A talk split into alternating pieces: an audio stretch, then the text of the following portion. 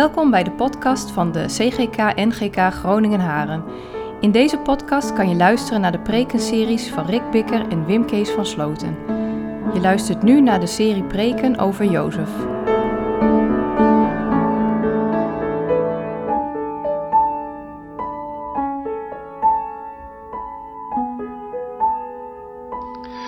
Ja, nieuwe serie dus over Jozef, uh, samen met Wim Kees. Hoop ik die in de komende weken uh, met u te volgen, Jozef. En, uh, we kunnen niet alles van Jozef doen, maar wel een heel aantal stukken. En we willen vandaag beginnen met hoofdstuk 37. Zal ik eerst met jullie lezen en dan wil ik daar samen met jullie bij, bij stilstaan. Jacob vestigde zich in Canaan het land waar ook zijn vader had gewoond. Dit is de geschiedenis van Jacob en van zijn nakomelingen. Jozef, die inmiddels 17 jaar was, leidde gewoonlijk samen met zijn broers de schapen en de geiten. Hij hielp de zonen van zijn vaders vrouwen, Bilha en Zilpa, en alle praatjes die over zijn broers de ronde deden, vertelde hij aan hun vader door. Omdat Israël dat is Jacob, hè? Omdat Israël al oud was toen Jozef werd geboren, hield hij meer van Jozef dan van zijn andere zonen. En hij had een prachtig bovenkleed voor hem laten maken in allerlei kleuren. De broers zagen wel dat hun vader het meest van Jozef hield. Daarom konden ze Jozef niet uitstaan en konden geen vriendelijk woord voor hem af. Om een keer had Jozef een droom toen hij die aan zijn broers vertelde, kregen ze een nog grotere hekel aan hem. Moeten jullie eens horen wat ik heb gedroomd, zei hij. We waren op het land schoven aan het binden. En toen kwam mijn schoof overeind en bleef rechtop staan. En jullie schoven gingen om die van mij heen staan en die bogen zich daarvoor. Zijn broers zeiden, dacht je soms koning over ons te worden? Wil je over ons heersen? Vanwege dat gepraat over zijn dromen gingen ze hem hoe langer hoe meer haten. Opeens kreeg hij een droom die hij aan zijn broer. Opnieuw kreeg hij een droom die hij aan zijn broers vertelde. Ik heb alweer een droom gehad, zei hij. Nu bogen de zon en de maan en elf sterren zich voor mij neer. Toen hij dit aan zijn vader en zijn broers vertelde, wees zijn vader hem terecht. Zeg, wat is dat voor een droom? Moeten ik, je moeder en je broers ons soms voor jou komen neerbuigen? De broers konden hem wel vermoorden. Maar zijn vader bleef nadenken over wat er gebeurd was. Jozefs broers er eens op uitgetrokken waren om de kudde van hun vader bij Sichem te laten grazen, zei Israël, Jacob tegen Jozef, zoals je weet zijn je broers het vee aan het weiden bij Sichem. Ga je eens naar hen toe. Goed, zei Jozef. En Jacob vervolgde, ga kijken hoe je broers het maken en hoe het met, je feest, met het feest staat en breng mij dan verslag uit. Zo stuurde Jacob hem vanuit de Hebronvallei naar Sichem. Toen Jozef daar in het veld ronddwaalde, kwam er iemand tegen die hem vroeg wie hij zocht. Ik ben op zoek naar mijn broers, zei hij. Kunt u me zeggen waar zij het vee aan het weiden zijn? Ze zijn hier niet meer, zei de ander. Ik hoorde hen zeggen dat ze naar Dothan wilden. Jozef ging zijn broers achterna en trof hen in Dothan aan. Zijn broers zagen hem al van ver en nog voordat hij hen had bereikt hadden ze een plan beraamd om hem te doden. Kijk daar eens, zeiden ze tegen elkaar, daar komt de meeste dromer aan. Dit is onze kans. Laten we hem vermoorden en laten we hem ergens in een put gooien. We zeggen gewoon dat hij door een roofdier is verslonden. En dan zullen we eens zien wat er van zijn dromen uitkomt. Toen Ruben dat hoorde, wilde hij proberen Jozef te redden. Nee, laten wij hem niet om het leven brengen, zei hij. Er mag geen bloed vloeien. Gooi hem in de put hier, in deze verlaten streek, maar breng hem niet om. Zo wilde hij Jozef uit hun handen redden en hem ongedeerd naar zijn vader terug laten gaan. Zodra Jozef bij zijn broers was gekomen, trokken ze hem zijn bovenkleed uit, dat mooie veelkleurige gewaad, en ze gooiden hem in de put. De put was leeg, er was geen water in en daarna gingen ze, daarna gingen ze zitten eten. Opeens zagen ze een karavaan naderen. Het waren Ismaëlieten, die uit de richting van Gilead kwamen en op weg waren naar Egypte. De kamelen waren beladen met gom, met balsam en met cistushars. Toen zei Juda tegen zijn broers, wat hebben we eraan om onze broer te vermoorden? dan moeten we ook de sporen nog weer zien uit te wissen. Laten we hem aan de Ismaëlieten verkopen, in plaats van hem om te brengen. Hij is tenslotte onze broer, onze eigen vlees en bloed. De anderen stemden hiermee in. Toen de Midianitische kooplieden uit de karavaan voorbij kwamen, trokken de broers Jozef uit de put en verkochten hem voor twintig shekel. En die Ismaëlieten namen Jozef mee naar Egypte. Toen Ruben weer bij de put kwam, ontdekte hij dat Jozef er niet meer in zat. En hij scheurde zijn kleren. Hij ging naar zijn broers terug. De jongen is weg, riep hij. Wat nu? Wat moet ik nu? Toen slachten ze een bokje, pakte Jozefs veelkleurige gewaad en dompelde dat in het bloed. En daarna liet ze het naar hun vader brengen. Met de boodschap, dit hebben we gevonden. Kijk eens goed, is dit niet het kleed van uw zoon? Jacob herkende het en riep het uit. Het kleed van mijn zoon. Hij moet verslonden zijn door een roofdier. Hij is verscheurd. Jozef is verscheurd. Jacob scheurde zijn kleren, deed een rouwkleed om en rouwde over zijn zoon dagenlang. Al zijn zonen en dochters deden hun best om hem te troosten, maar hij wilde niet getroost worden. En hij zei, ik zal rouw dragen, totdat ik naar mijn zoon in het dodenrijk afdaal. Zo treurde Jacob om zijn zoon. De Midianieten brachten Jozef naar Egypte en verkochten hem aan Potifar, een hoveling van de farao en een commandant in zijn lijfwacht. Tot zover het lezen uit het woord van God. Zalig wie dat woord hoort en wie daaruit leeft. Straks na de preek willen wij uh, samen zingen opwekking 429. God wijst mij een weg. Nou, daar zal het ook over gaan, over die weg en over die leiding van God in je leven.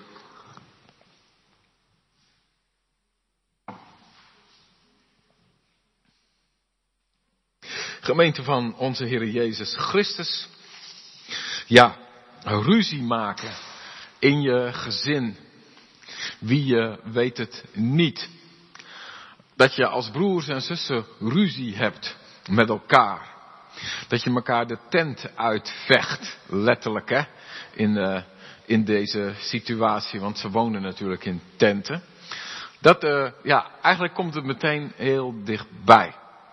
Maar uh, in de vorige gemeente hebben wij een keer over gehad van stel je voor dat je zo zat bent met je zus of met je broer dat je hem op marktplaats aanbiedt. Gratis af te halen. Mijn jonge zusje, want ik ben er helemaal klaar mee. Dan kun je toch eigenlijk ook weer niet helemaal voorstellen hè, dat dat zou gebeuren. Nou, dat is toch wel een beetje ongeveer wat we langs zien komen straks in, uh, in dit Bijbelgedeelte dat we hebben gelezen met elkaar. Ik heb uh, drie punten voor jullie vanmorgen. En ze beginnen alle drie met een P. Dat af en toe dan lukt dat en dan ben ik daar ook uh, tamelijk tevreden over. Het eerste deel gaat over de pocher. En het tweede gedeelte gaat over de put. En het derde gedeelte gaat over het plan. De pocher, de put en het plan. En uh, ja, dan komt er vast nog, hoop ik dat Wim Kees die lijn vasthoudt en dat hij dan van put naar paleis nog gaat doen. En dan zien we daarna wel weer verder. Maar in ieder geval eerst eens even de, de pocher, de put en het plan. Ja, je zou kunnen zeggen, dat heb ik ook gezegd vanmorgen, van we beginnen met Jozef vanmorgen. Maar eigenlijk is dat niet helemaal waar. Want er staat aan het begin van Genesis 37 dat het begint met Jacob of Israël. Moet je maar eens opletten, wordt, uh, die naam die wordt gewisseld. Soms heet, uh, soms heet Jacob Jacob, soms heet hij Israël. En uh, het lijkt wel alsof de Bijbelschrijver daarmee speelt. Leeft hij uit de belofte of leeft hij niet uit de belofte? Dat is een beetje zo'n spanning die je af en toe tegenkomt bij Jacob. Het lijkt wel of hij de ene keer de ene naam krijgt en de andere keer de andere. In ieder geval moet je maar eens opletten. In ieder geval, Jacob, uh, die vestigt zich in Canaan, het land waar zijn vader had gewoond. En dat is meteen, moet je maar eens opletten.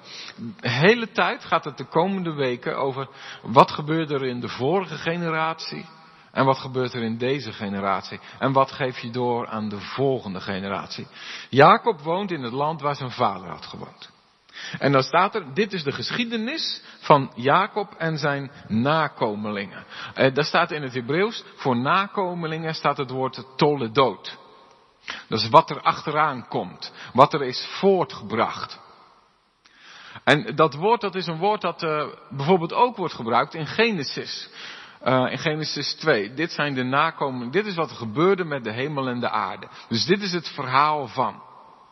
Nou, waarom is dat belangrijk? Om, omdat je daarmee ziet van, het gaat niet alleen maar over Jozef.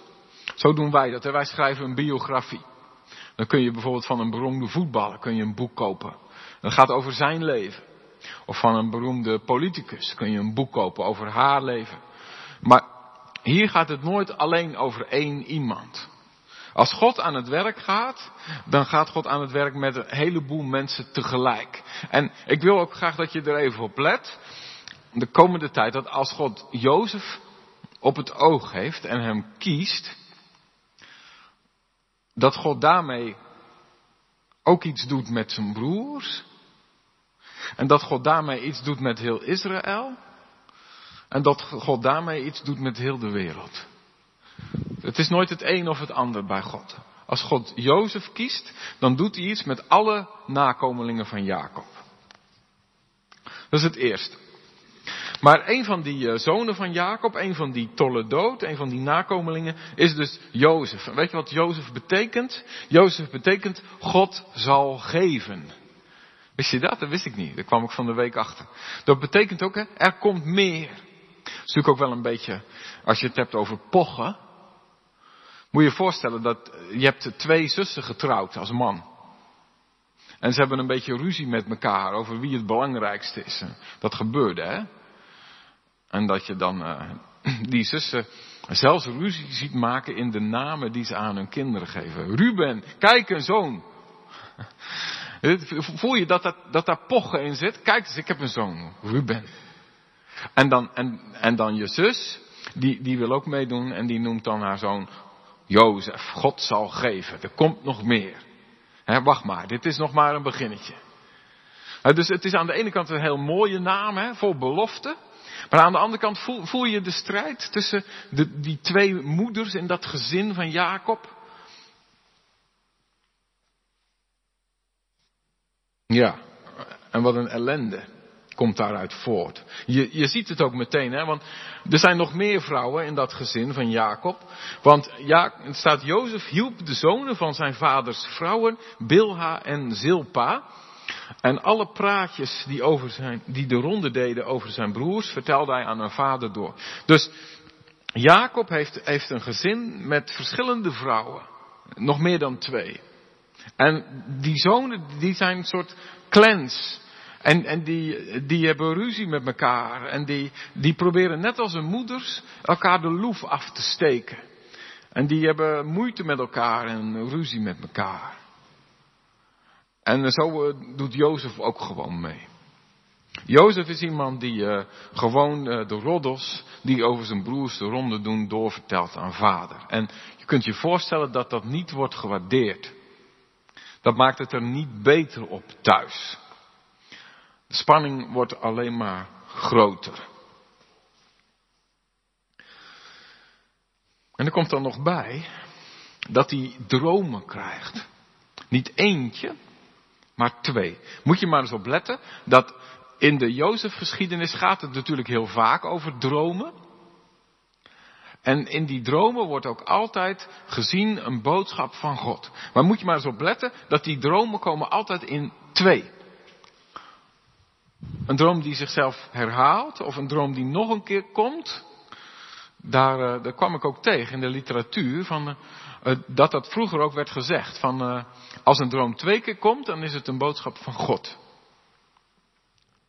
En tegelijkertijd is dat, dat vind ik ook het spannende van die dromen van Jozef. Als je twee keer droomt over dat jij rechtop staat en dat je de koning bent en het belangrijkste bent en dat iedereen om zich heen zich voor jou buigt en dan niet alleen maar je broers, maar ook je vader en je moeder. Dat is al, uh, nou, dat is al wat hè. We hebben net gelezen hè, van dat je voor je vader en moeder respect moet hebben. Dat is al een heel spannende. Maar, maar dat je dan verwacht dat ze voor je buigen, dat hoort daar misschien niet helemaal bij. Maar dat je dan ook nog verwacht dat de zon en de maan en de sterren, moet je even over nadenken. In de tijd van Jozef was dat, die bepaalde je leven. Hè? Denk maar aan de, de wijze uit het oosten. In, in, in die tijd, in die omgeving, geloofden heel erg veel mensen dat de zon en de maan en de sterren en hun loop, die bepaalden hoe je leven ging. Daarin lag het lot vast. En Jozef zegt zelf, en dat allemaal, dat buigt zich voor mij. Nou, als je het hebt over iemand die het centrum van de wereld is, in die dromen van Jozef, die hij twee keer heeft, is hij het centrum van de wereld. En uh, ja, ik, ik weet niet hoe, hoe, hoe, u dat dan leest, maar ik vind dat dan spannend te denken van, wat is hier nou aan de hand? Is dat nou inderdaad, is dat een boodschap van God? En misschien dat u of jij wel zegt, ja, let maar op, we, komen er nog wel op terug. En we komen er ook op terug. Want misschien komt er wel een moment dat je ziet dat Jozef koning is. Maar misschien hoort het ook wel bij waar we het net over hadden, over de pocher. Over Jozef die het lievelingetje was van zijn vader. En die een jas kreeg met allemaal prachtige kleuren. De multicolor dreamcoat. De prachtige jas waarmee die liep op te scheppen. En een soort symbool van dat zijn vader meer hield van hem dan van al die andere broers. Moet je je voorstellen dat je rondloopt door de tent en over het erf en door het dorp met een jas die het symbool is van onze vader houdt meer van mij dan van jou. Dat is wat? De pocher. En de vader die dat dus, dus ook gewoon heel duidelijk maakt. Van, ik heb Lea meer lief gehad dan Rachel. En jij bent de belichaming van, van mijn liefde voor Lea. En daarom verwen ik jou helemaal stuk. Andersom. Ik ben soms zo blij dat ik goede ouderlingen heb. John, dankjewel. Ja, dat heb je als je uit je, uit je hoofd gaat preken, dan doe je het soms af en toe net verkeerd. Fijn dat jullie opletten, jongens, dankjewel. Ja, maar ik heb de, de ene vrouw heb ik meer lief dan de andere. Ja, Rachel heb ik lief gehad. Ja, ja, ja, precies. Kijk, um, maar dat hè, je, je loopt dus rond als het, het symbool van uh, het lievelingetje zijn. Met je mooie jas en met je dromen. De pocher. De man met de grote mond. Iedereen moet voor mij Maar, maar, voel je de spanning van, komt die droom nou van God? Of komt die droom nou voort uit een jongetje dat iets te veel op het, uh, op het, uh, uh, op, op zijn, op zijn, ik kan het woord even niet vinden. Iets te veel trots is op zichzelf. Iets te weinig heeft gehoord dat hij ook een beetje bescheiden moet zijn. Dat merk je ook aan zijn vader, hè, want die zegt er dan op een gegeven moment ook iets van. Van nou, het moet nu wel ook een keer klaar zijn, jongen. het is ook een keer afgelopen. En dan gaan we naar die put. Want dat kan natuurlijk ook niet goed gaan. Hè? Dat, dat moet, gewoon een keer, uh, moet gewoon een keer fout gaan. Jozef die moet op zoek naar zijn broers. Ik vind dat ook wel apart. Je denkt van, uh, Jacob, pas nou op. Hè, van, is dat nou verstandig? Hè? Dat als al die broers weg zijn en dat blijkbaar Jozef hoeft niet te werken. Iedereen is heel hard aan het werk. Jozef heeft tijd om met zijn mooie jas rond te lopen. En, uh, maar die moet dan op zoek gaan omdat vader wil weten hoe het gaat. En misschien dat de broers denken, ah, daar komt hij weer, de spion. Die komt weer even kijken of we het allemaal wel goed doen. En hij komt natuurlijk weer aan vader vertellen wat we allemaal niet goed hebben gedaan. Dus, nou, hoe zal die ontvangst zijn? Nou, het duurt ook even voordat hij ze gevonden heeft in, uh, in Dothan. En dan, uh, dan, dan zien ze hem van verre aankomen. Dan, ik weet niet hoe jullie dat hebben, maar ik moet dan meteen denken aan uh, het Nieuwe Testament aan dat verhaal van Jezus over die verloren zoon. Over die vader die zijn zoon van verre ziet aankomen en die dan niet anders kan dan opwachten en naar hem toe gaan en hem omhelzen. Nou, hier gebeurt precies het andersom. Ze zien hun broer aankomen van verre en ondertussen wordt er een plan gesmeed. En dat vind ik zo apart. Want het is een soort chaotisch plan. Heb, je dat gezien? Het, iedereen uh, heeft een idee en oh, we moeten hem doodmaken. Nee, dat moeten we niet doen, want dat geeft zoveel gedoe. Dat, dat alleen hè, van, uh, dat, dat je niet denkt, ja, misschien moeten we dat niet doen, want dat is heel erg en dat is heel verdrietig en God wil dat niet. Nee, dat moeten we niet doen, want dat geeft zoveel rommel. Laten we hem dan maar in een put stoppen. Dat zegt uh, Ruben. Uh, en dat is dan de goeie, hè? Die heeft nog het beste met hem voor. Het, plan van Ruben is, we gooien hem in de put. Nou, en dan eerst denken ze, weet je wat? We laten, uh, we laten hem dan verkopen aan de Ismaëlieten. En dat worden dan toch nog weer andere mensen en die nemen hem mee. En, nou, chaos. Heel gedoe. Maar er is niemand die nadenkt over wat wil God. Er is niemand die zich afvraagt, wat zijn de gevolgen hiervan? En ik dacht, dat is ook wel bijzonder, dat je zo in dat rare plan, dat eigenlijk niet eens een plan ziet, dat je zo opeens het leven van zijn hele familie helemaal de mist in ziet gaan. Het gaat helemaal kapot.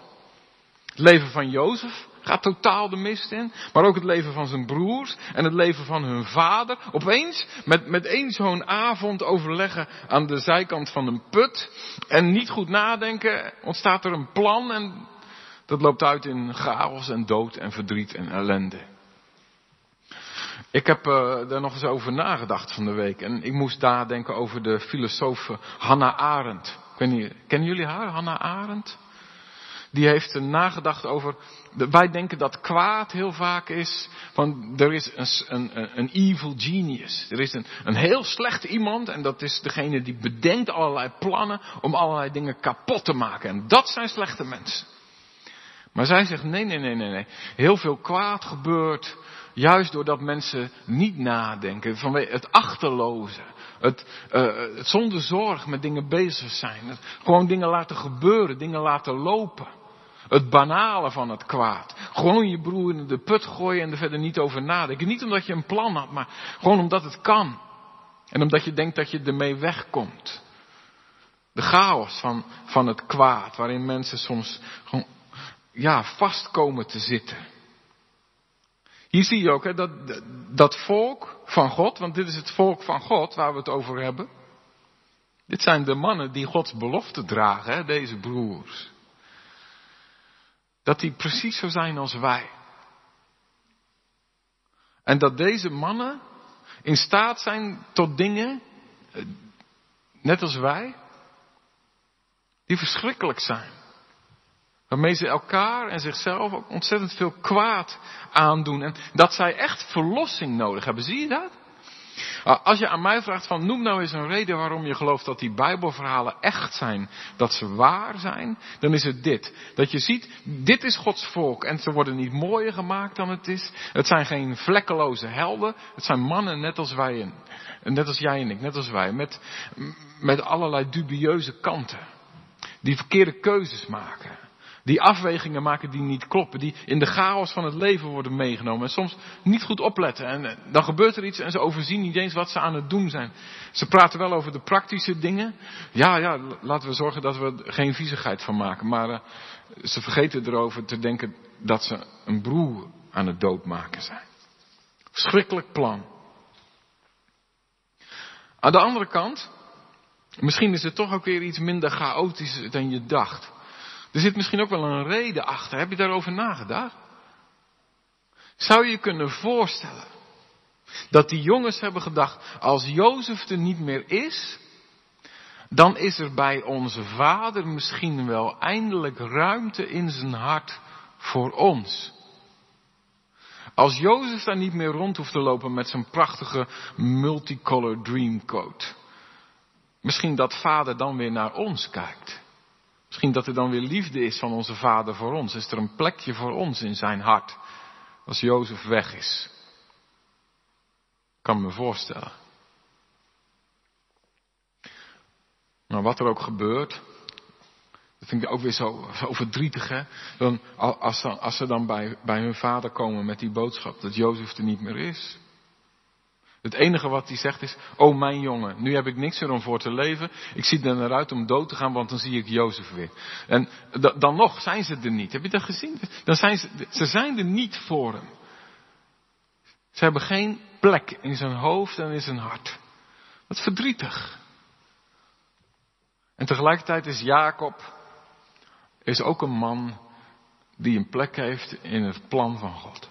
Met al zijn fouten, met, met al zijn rare kanten, met alle dingen die misgaan in zijn leven, gaat God ook met hem zijn weg. En Aan de ene kant word ik verdrietig van hem.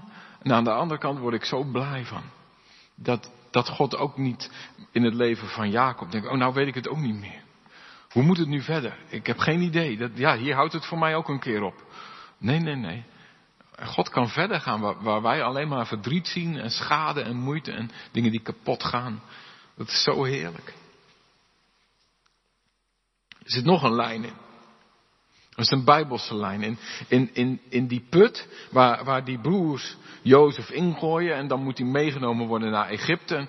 Moet je maar eens opletten, in de Bijbel is Egypte is altijd de dood. Dat is de vijand. Egypte dat is altijd slecht. Als je naar Egypte gaat, dat is altijd bedreigend, gevaarlijk. Dat is de plek waar God niet woont. Dat is de plek waar andere goden worden gediend. Dat is het land van de dood.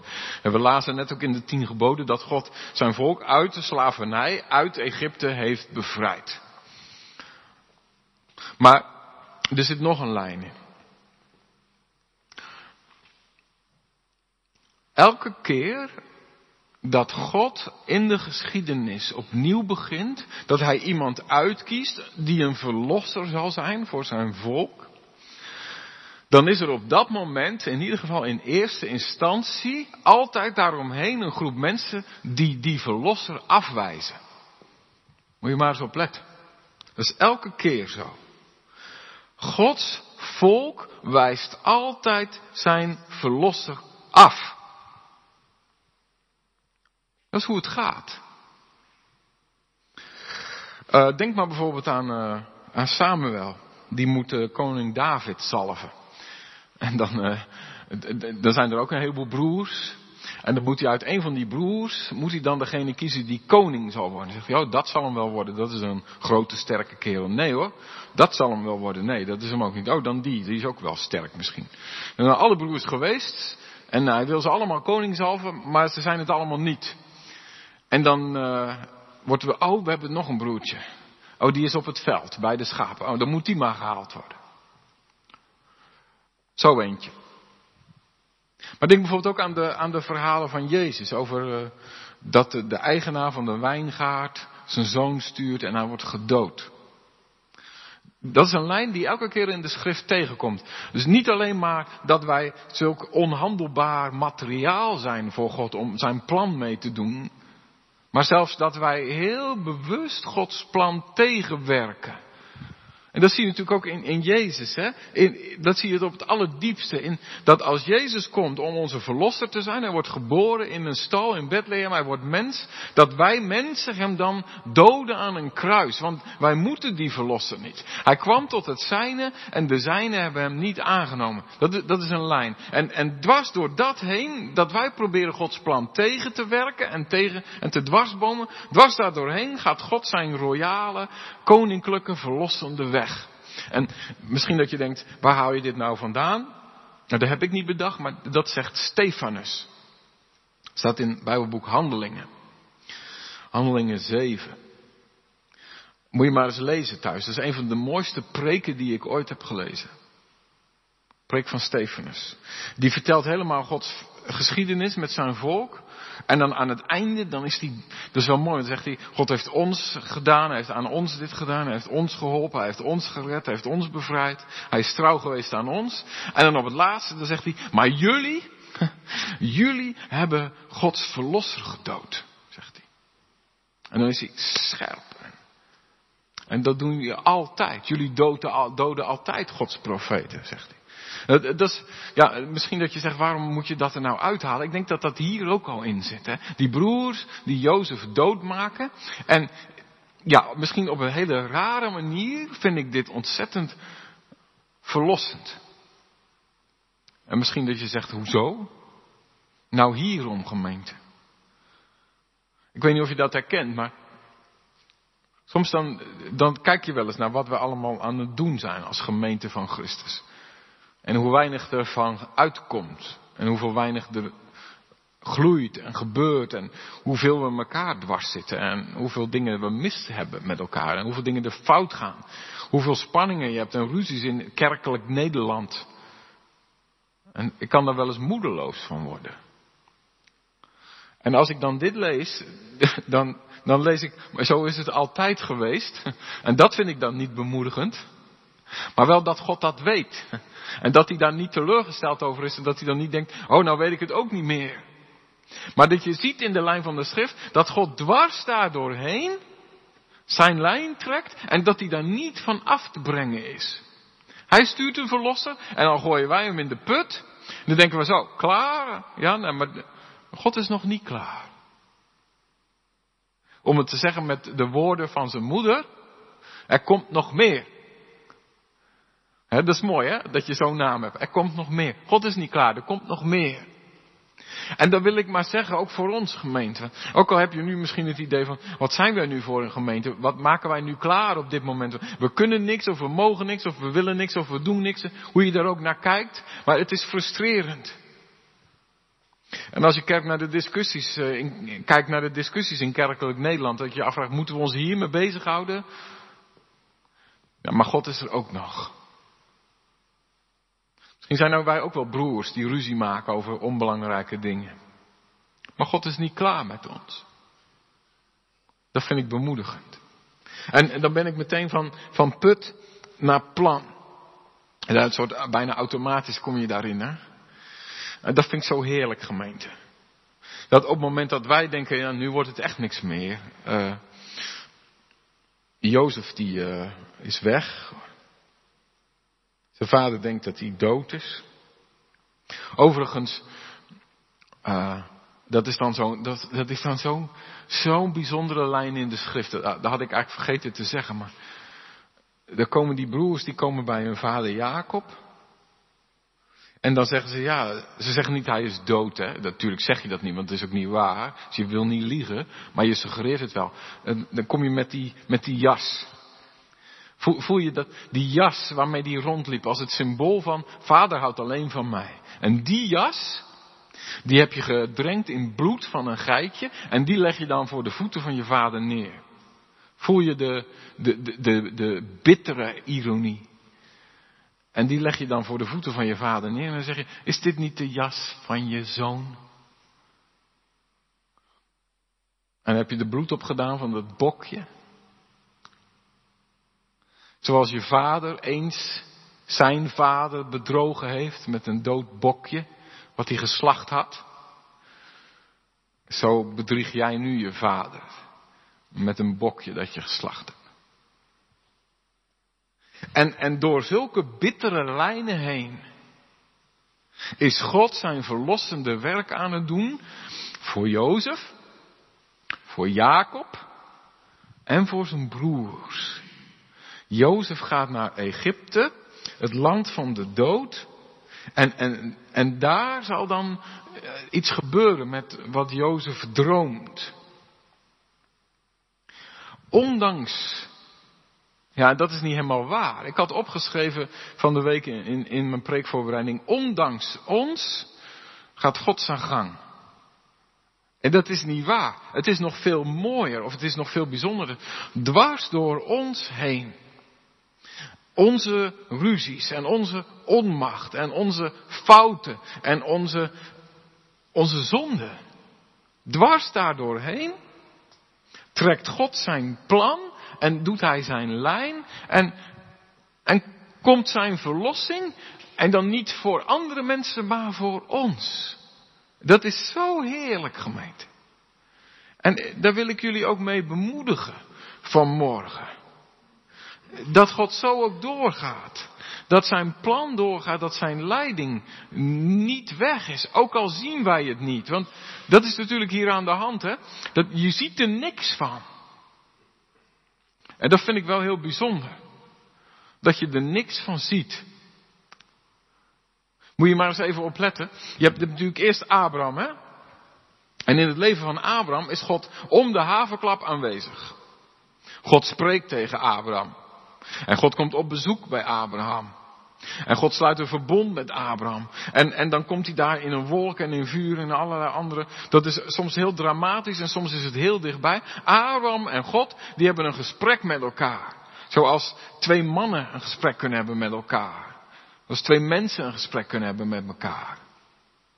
Dan krijg je Isaac, daar weten we niet zoveel van, maar je weet van Isaac dat hij leeft met God. Dan krijg je Jacob, En als je heel de geschiedenis van Jacob leest, dan eigenlijk, je ziet nooit dat Jacob bidt. Ja, hij vecht een keer met God. Bij Bethel en bij Peniel. En dan komt er ergens een keer iets uit wat lijkt op een gebed. Maar het is eigenlijk meer een soort bevel. Dat God dit en dit moet doen. En dan eh, zal Jacob dat en dat doen. Pas helemaal aan het eind van zijn leven, op zijn sterfbed, aan het einde, dan zegt hij, nu geef ik mij over. Ik verwacht u, heren. Pas aan het einde van zijn leven, dan is, het, is Jacob klaar om God te loven en te prijzen en zichzelf aan hem over te geven. Op uw zaligheid wacht een keer, op zijn sterfbed. Dat is een leven lang worstelen met God, maar je ziet daar niks van aanbidding en je ziet daar geen gebed en je ziet daar geen wandelen met hem. En dan, dan krijg je Jozef, moet je maar eens op letten, in heel die geschiedenis van Jozef wordt de naam van God niet genoemd. En misschien is dat wel precies onze tijd. Dat voor het besef van heel veel mensen God heel ver weg is. Zijn naam klinkt niet meer in onze levens. We zoeken hem niet, we vragen niet naar hem, we weten niet wie die is. Hij is zo verborgen als maar kan zijn. Wat we zien, dat is dat grondpersoneel, dat volk van God, met al hun rare dingen, al hun zonden en hun fouten. En juist in dit stukje waarin de naam van God niet wordt genoemd, gaat hij zichtbaarder worden dan ooit. In het leven van Jozef gaat zichtbaar worden wie God is. En daar wil ik mee eindigen vanmorgen. Ik eindig een beetje open. Ik hoop dat je vanmorgen al een aantal dingen hebt gehoord die je deden denken aan Jezus. Maar ik wil eigenlijk aan je vragen of je de komende weken, als we verder gaan met lezen over Jozef, of je dan elke keer op zoek wil gaan naar waar zie ik Jezus? De grote lijn is, die, die heb je natuurlijk al gezien. Hè? De Jozef die, eh, die de lieveling is van zijn vader. Zo is Jezus, eh, dit is mijn geliefde zoon, in wie ik mijn vreugde heb. En zoals Jozef op weg gestuurd wordt om te zoeken naar zijn broers, zo wordt Jezus ook uh, de hemel uitgestuurd, op weg naar deze wereld, om op zoek te gaan naar zijn broers. Zoals Jozef dan in de put wordt gegooid, verkocht, zo wordt Jezus ook verkocht en in de put gegooid. Wordt hij klaargemaakt als de verlosser, die wordt afgewezen om op weg te gaan naar de dood. Nou, de, de, rest volgt nog wel. Ik ga het niet helemaal invullen. We gaan nog wel een paar keer verder nadenken over Jozef. Maar wil je daar eens over nadenken de komende tijd dan? Zoek eens de lijn van Jezus. En, en als je Jezus ziet en zijn geschiedenis, in de geschiedenis van Jozef, dan, dan kun je je verwonderen over de trouw van God. Hè? Ik heb net gezegd, als een droom twee keer gebeurt, dan moet die wel waar zijn. Als die geschiedenis van Jozef in de geschiedenis van Jezus nog een keer gebeurt, eh, dan laat God aan ons zien, dit is echt mijn lijn. Ik heb het jou al laten zien. Ik heb het in het Oude Testament laten zien. In Jezus doe ik het, maak ik het helemaal waar. Dit is mijn lijn. In de verborgenheid, als jullie mij niet kunnen zien, ik ben er. En dwars door alles heen kom ik om jullie te verlossen. Laten we zo ook in deze tijd, in dit nieuwe jaar, waarin je misschien ook wel vooral heel veel donkere dingen ziet, dingen ziet misgaan, heel veel zorg hebt, ook afvraagt waar God is in dit alles en waar de kerk is in dit alles en wat Gods volk allemaal doet op dit moment. Vasthouden aan, eh, aan God die niet loslaat wat hij begonnen is te doen. God die uh, weet waar hij naartoe werkt. wij zien alleen maar de ene kant, maar God werkt vanuit waar hij naartoe werkte. Nog eentje, en daar eindig ik mee. Later zal Jozef tegen zijn broers zeggen, wat jullie ten kwade hebben gedacht, dat heeft God ten goede gedacht. En dat is, dat is, dat is hem. Dat is hoe God werkt, ook vandaag. Dat is hoe God werkt in Jezus. Dat is de macht van zijn genade. Laten we daarop hopen, ook in dit moment. Amen.